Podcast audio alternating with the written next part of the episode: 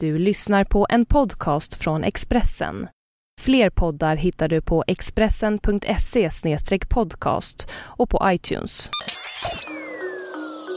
Det här är Expressen Dokument om att jakten på skyldiga pågår hela tiden av Thomas Kvarnkullen som jag, Johan Bengtsson, läser upp. 270 människor dödades när flight 103 sprängdes i luften. En av de misstänkta för terrordådet har dömts, släppts fri och dött. Men jakten på fler ansvariga för det värsta terrorattentatet i Storbritannien går vidare. Snart väntas en nyckelperson förhöras av skotska utredare och FBI i ett fängelse i Libyen. Vi letar fortfarande efter fler och bevisen leder till Libyen, säger Skottlands riksåklagare Frank Mulholland till Sky News.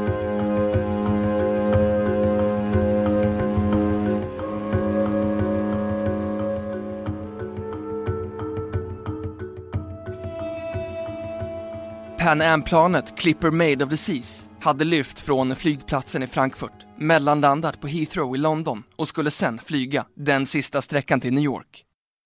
38 minuter efter avresan från London hördes en smäll. Så hög att invånarna omkring den lilla skotska orten Lockerbie trodde att kärnkraftverket i närheten hade exploderat. Bomben som detonerade på 9400 meters höjd var gömd inuti en Toshiba-bandspelare som låg gömd i en resväska ombord. Vrakdelar regnade över hus, bilar och invånare i Lockerbie. Hundra kroppar hittades på mark som tillhörde en och samma bondgård, enligt BBC. Mycket tydde redan då på att det inte var frågan om en olycka. Alla ombord, 259 personer, omkom. På marken dödades 11. På lördag är det 25 år sedan det värsta terrordådet i Storbritannien, men det är fortfarande inte helt klarlagt vad som låg bakom. En person har dömts, släppts fri och dött. Men jakten på fler ansvariga går oavbrutet vidare. I en nyproducerad dokumentär som brittiska BBC sänder i helgen framträder en av dem som har stor kunskap i jakten på den eller de som bar ansvaret för attentatet. Robert Mueller, chef för FBI under 12 år och på olika sätt involverad i utredningen kring Lockerbie i 20 år, berättar i en sällsynt intervju om utredningen de senaste åren. Vi har FBI-agenter som jobbar heltid med att följa vartenda spår, som vi har sedan det hände för 25 år sedan. Min förhoppning är att vi löpande kommer att komma över ny information, kanske nya vittnen, och att andra kommer att åtalas för sin delaktighet i det här, säger han. Förutsättningarna för att gå till botten med vem som låg bakom attentatet har blivit något bättre sedan Libyens diktator Muammar Gaddafi föll. Landets nya ledning har öppnat möjligheter för att släppa in de brittiska och amerikanska utredarna. I januari meddelade den brittiske premiärministern David Cameron att polis i Skottland fått tillåtelse att resa till Libyen. Samtidigt meddelades att två åklagare utsätts i Libyen som skulle bistå i arbetet. Men processen med att utreda det 25 år gamla terrorattentatet är svårt eftersom Libyen fortfarande är i en komplicerad fas. Frank Muller säger i BBC-intervjun Problemet i Libyen nu är att regeringen kämpar för att bibehålla säkerhet och ordning för att landet ska bli fredfullt. Fler anhöriga till offren är skeptiska och tror inte att fallet har särskilt hög prioritet i Tripoli. Frank Duggan, talesperson för de amerikanska offren, är mycket tveksam. Den libyska regeringen säger att de ska stötta och jag är inte helt säker på att jag tror dem. Även om de skulle vilja så kan de inte. De kan inte kontrollera sitt eget land, säger han till BBC. Utredningen av terrordådet var omfattande under den första tiden efter attentatet. I utredningen deltog förutom skotska myndigheter även FBI, CIA, Scotland Yard och tyska Bundeskriminalamt. Utredningen ledde till att två libyska medborgare identifierades som misstänkta och slutsatsen var att de hade placerat en bomb ombord på planet på uppdrag av Libyens säkerhetstjänst. De båda ställdes inför rätta efter en diplomatisk strid mellan USA, Storbritannien och Libyen.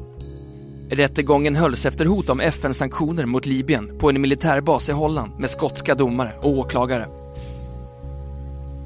Lamin Khalifa Fima frikändes Den andra tilltalade, Abdelbaset Ali Mohammed Al-Megrahi, dömdes till livstidsfängelse.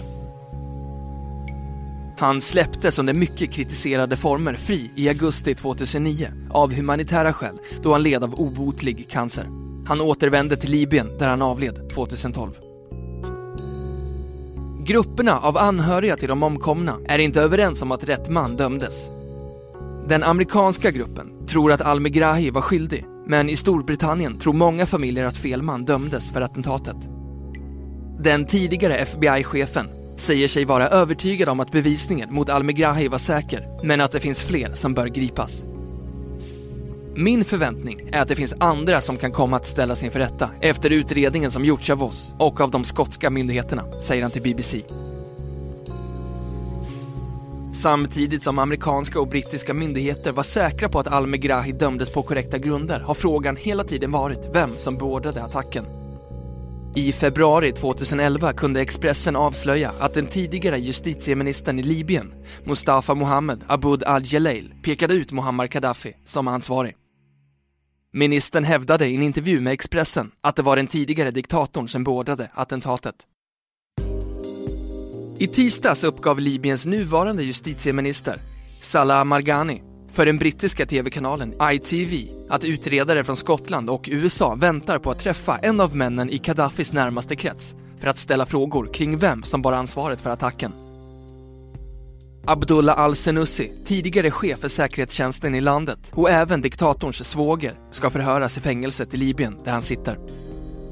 Samtidigt som USA och Storbritannien fortsätter att utreda vem som låg bakom har också flera nya öden i spåren av katastrofen blivit kända. För vissa har livet inte bara förändrats på grund av attentatet, utan också tack vare tragedin. En av dem som arbetade som ambulansman den kvällen, den 21 december, för 25 år sedan, var George White. Han var på väg för att hämta filtar när han hittade ett av katastrofens offer utanför ambulansstationen.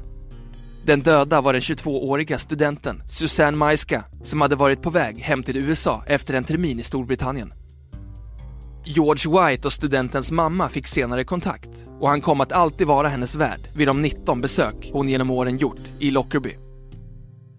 Sen 2005 är de ett par och han bor nu i USA. White säger till BBC Skottland. Det fanns en mening. Det faktum att Susanne föll ner precis vid min garageport, det måste ha betytt någonting. I dokumentären berättar också Carol King Eckersley, 65, om hur hon först nu har fått veta att hennes son var en av de omkomna. Sonen adopterades bort då han föddes. Mamman var då 19 år. Hon har aldrig sökt upp honom eller försökt ta reda på vad som har hänt med det okända barnet förrän hon förlorade sin make förra året. Då började hon söka efter sonen. Hon hittade hans namn, Kenneth Bissett, på en lista över de omkomna. På lördag, på 25-årsdagen, hålls flera minnesceremonier för att minnas de omkomna i tragedin. Men trots årsdagen har minnet av de omkomna alltid funnits med i invånarnas tankar. Prästen Patrick Keegans, 67, fanns i det enda huset på gatan Sherwood Crescent som inte försvann när flygplansvingarna och de andra vrakdelarna slog ner över deras annars tysta lilla gata. Jag hörde ljudet av en jetmotor, sen var det en enorm explosion. Hela huset skakade. Jag kunde inte röra mig. Jag blev orolig för min mor som var på nedervåningen. Jag tänkte, det är nu vi ska dö. Patrick Keegans och hans mamma klarade sig det gjorde inte hans grannar, deras barn eller hans hustru Dora, 56. Han fick senare veta att det i flera fall inte fanns något kvar av kroppen att begrava. Han säger nu till Sunday Post. Vad som hände i Lockerbie kommer aldrig att överge mig. Det kommer aldrig att försvinna.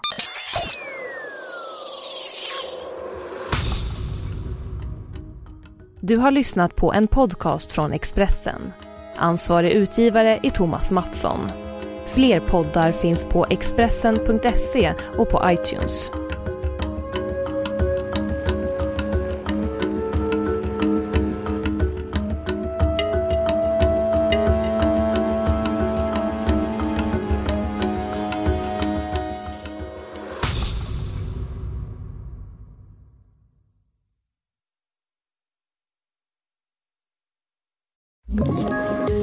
Poddtips från Podplay. I podden Något Kaiko garanterar östgötarna Brutti och jag, Davva, dig en stor dos skratt. Där följer jag pladask för köttätandet igen. Man är lite som en jävla vampyr. Man har fått lite blodsmak och då måste man ha mer. Udda spaningar, fängslande anekdoter och en och annan arg rant. Jag måste ha mitt kaffe på morgonen för annars är jag ingen trevlig människa. Då är du ingen trevlig människa, punkt. Något Kaiko, hör du på Podplay. Därför är gardinerna.